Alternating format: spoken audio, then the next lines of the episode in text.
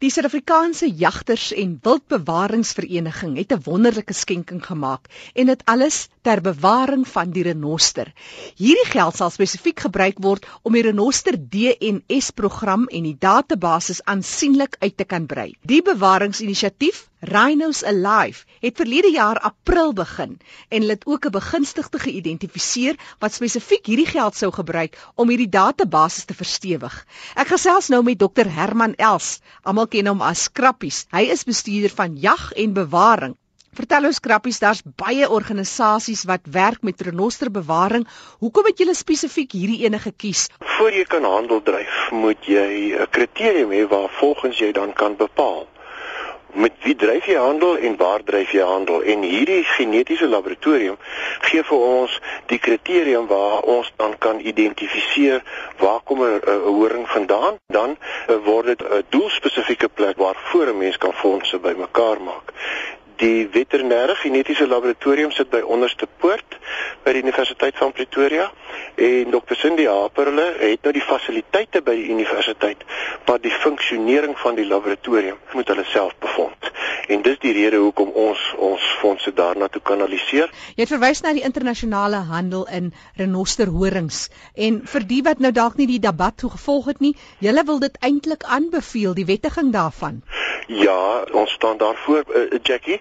Uh, baie mense praat nou op hierdie stadium baie onlangs gepraat oor die onthoringing van renosters, maar maar die onthoringing van renosters is 'n regte laaste uitweg. Ons sit met ongeveer 3.7 biljoen rand of miljard. Ek is nooit seker wat die term is nie. Uh is is 3.7 miljoen miljoen rand se renosterhoring in kluise en in bewaarplekke.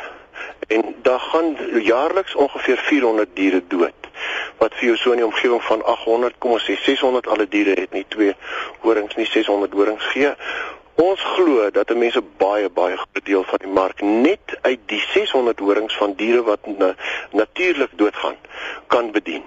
Ons het dus met ander woorde nie nodig om renosters te onthoring of renosters eh, te skiet vir hulle horing om hierdie medisinale behoeftes wat in die ooste bestaan vir 'n baie lang tyd te bedien nie.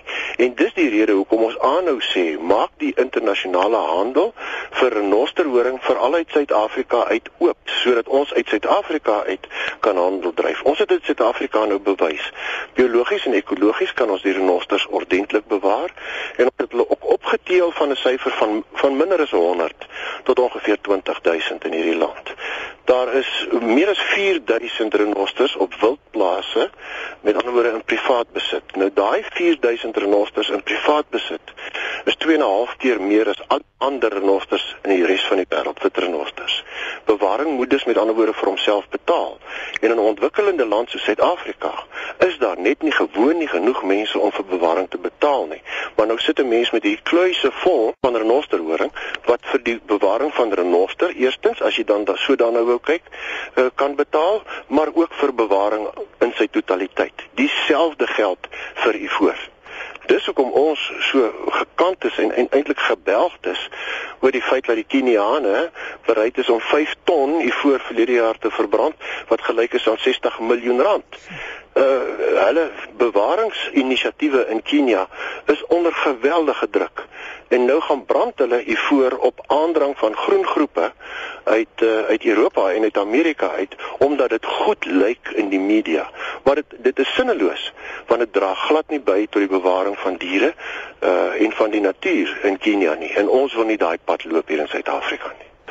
Nadat CITES aan die gang gekom het, uh, in die laat 60s vroeg vroeg 70s was daar 65000 swart renosters in Afrika en daar's nou minder as 3000 swart renosters. Societies het niks gedoen aan die stropery wat aangegaan het oor swart renosters deur Afrika nie. En dit bly ons argument. Societies het ook niks gedoen aan die uitroei en stropery van die Sumatra en Java renoster nie. Uh dis net hier in Suid-Afrika waar ons hard gewerk het om dit goed te bewaar uh, waar ons met hierdie syfers sit. Dit is ons verantwoordelikheid om hierdie dier vir die res van die wêreld te bewaar en te beskerm ook vir ons nageslag. Maar dan moet die res van die wêreld ons help om dit te doen en dis ons argument. Nou Krappies, jy het nou verwys na die 3,7 miljard rand wat uh, ons het in Suid-Afrika opgepotter in Nosterhoring. Ja. Maar maak dit nie nou weer eens 'n deur oop vir ander ongeruimthede. Jackie, dit word dit dit, dit bly 'n groter wordende probleem word, eh, want daar is 'n ongesaglike sekuriteitsrisiko aan hierdie goed wat geberg is. We, weet jy daar's hmm. privaat ouens wat R500 'n dag betaal om die brings van diere wat gevrek het op hulle plase in veilige bewaring te hou dit, dit is 'n ontsaglike koste wat dit Suid-Afrikaners kos op hierdie stadium om hierdie renosters vir die res van die wêreld te bewaar. En vir onsself, ons moet realisties wees oor die goed. Ons sit met 66% van al ons spesies sit ons buite natuurbewaringsgebiede.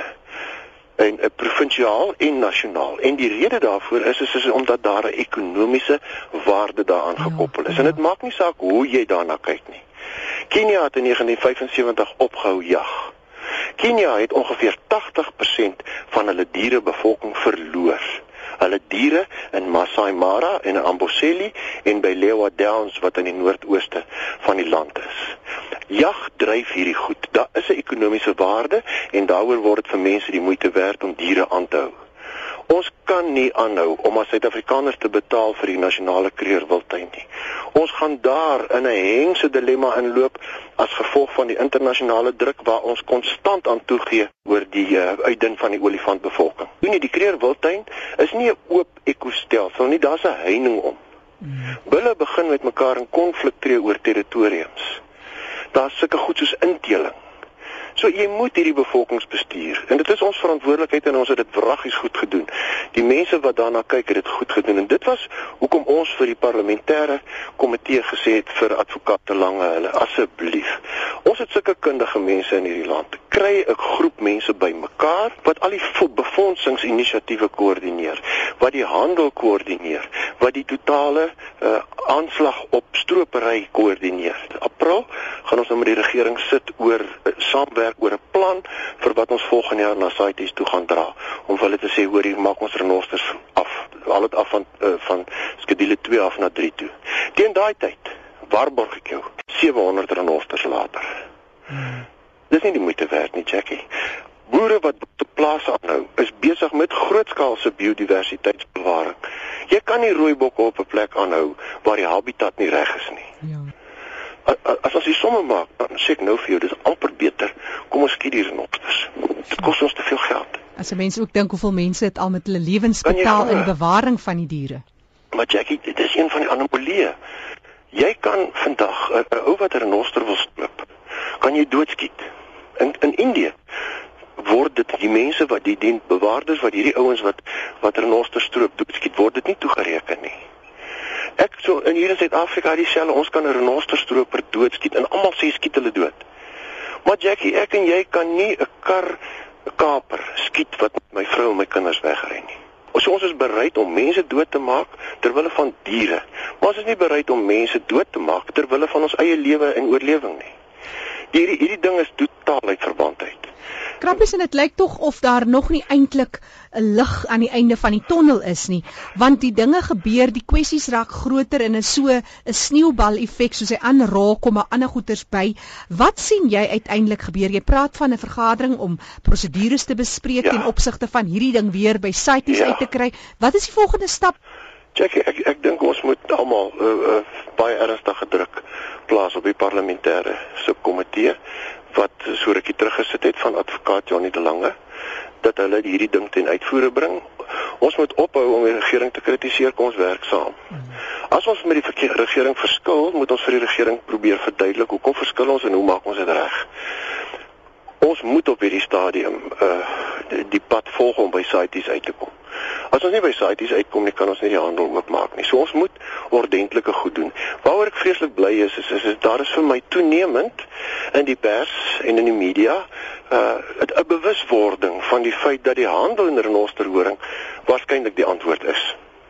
Uh, en ek dink dis baie belangrik. So as daar ten minste in Jan publiek se geleedere 'n verstaan is van hierdie ding wat ons moet bestuur en hoekom dit noodsaaklik is dat ons hierdie handel moet dryf, dan het ons ten minste 'n groot dryfkrag en stuurkrag wat die die, die uh, regering en die departement in 'n spesifieke rigting kan dryf. Krappies 'n luisteraar sal vir my nou sê, "Ag, alweer die renoster debat. Hoekom gaan julle aan oor een ou spesies? Daar is soveel, die bye is ook bedreig. Hoekom ja. sal ons weggevoer raak? Ek sit sommer my radio af." Ja, Jackie, weet jy, eh, ek dink wat wat ons vir mekaar moet sê is as die renoster veg vir ons 'n beginsel vir dieselfde geld wat ons beklei oor die oorlewing van renosters, vir dieselfde geld beklei ons oor die oorlewing van olifante want presies dieselfde prosesse is aan die gang. Die groenes en die diereregte het sover dit reg gekry dat olifante eintlik nie in Botswana gejag word nie. Die olifantbevolking in Botswana is so groot dat dit ontsaglike druk plaas op buurlande, Zimbabwe en Suid-Afrika. Jy moet ons praat op die Limpopo rivier en in die Limpopo provinsie en by Mapungubwe en kyk wat se skade doen olifante uit Botswana uit omdat die diere nie bestuur word nie. En dit is asof die mense nie kan verstaan dat ons leef nie in oop ruimtes nie.